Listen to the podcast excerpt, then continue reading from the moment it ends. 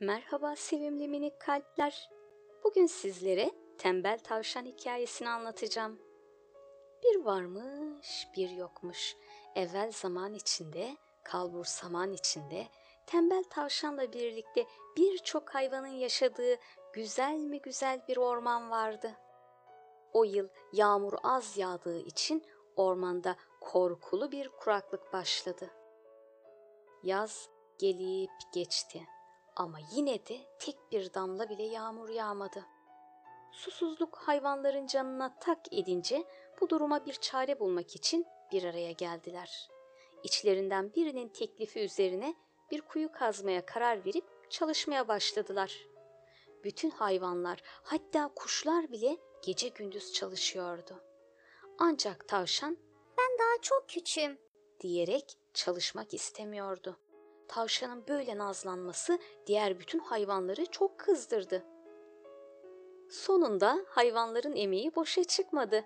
Çalışmalarının sonucunda kazdıkları kuyudan buz gibi su çıkınca herkes çok sevindi.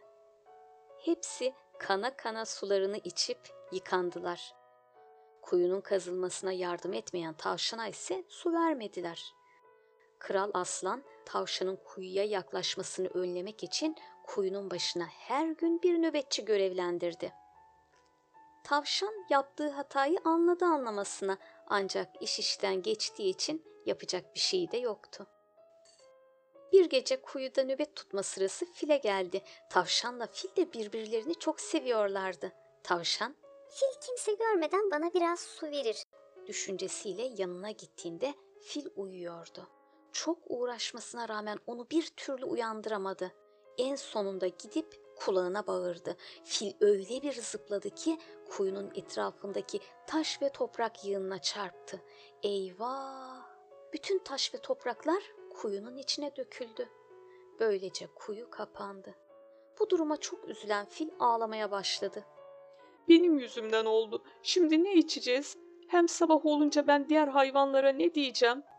Tavşan kadar üzülme. Elbette bir çaresini buluruz. Hem ikimiz beraberce çalışırsak sabaha kadar kuyuyu temizleyip açarız.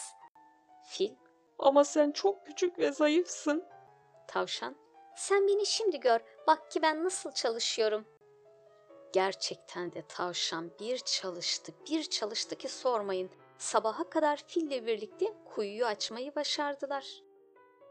Ertesi gün fil bütün hayvanlara gece yaşadıklarını ve tavşanın çalışkanlığını anlattı.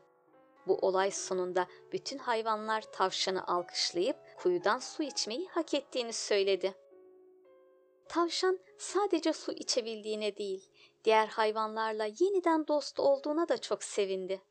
Artık kendisini ormanın bir üyesi gibi görmek onu çok mutlu ediyordu. Unutmayın ki sıkıntı çekmeden, güçlüklere göğüs germeden, yorulup emek vermeden olumlu, güzel, hoş bir sonuç elde etmek mümkün değildir. Ormandaki hayvanların hepsi de başta tavşanın düşündüğü gibi düşünseydi, ortada kuyu muyu olmazdı. Artık sonucunu da siz düşünün. İyi ki çok geç olmadan tavşanın da aklı başına geldi. Tekrar görüşmek üzere sevimli minik kalpler. Hoşçakalın.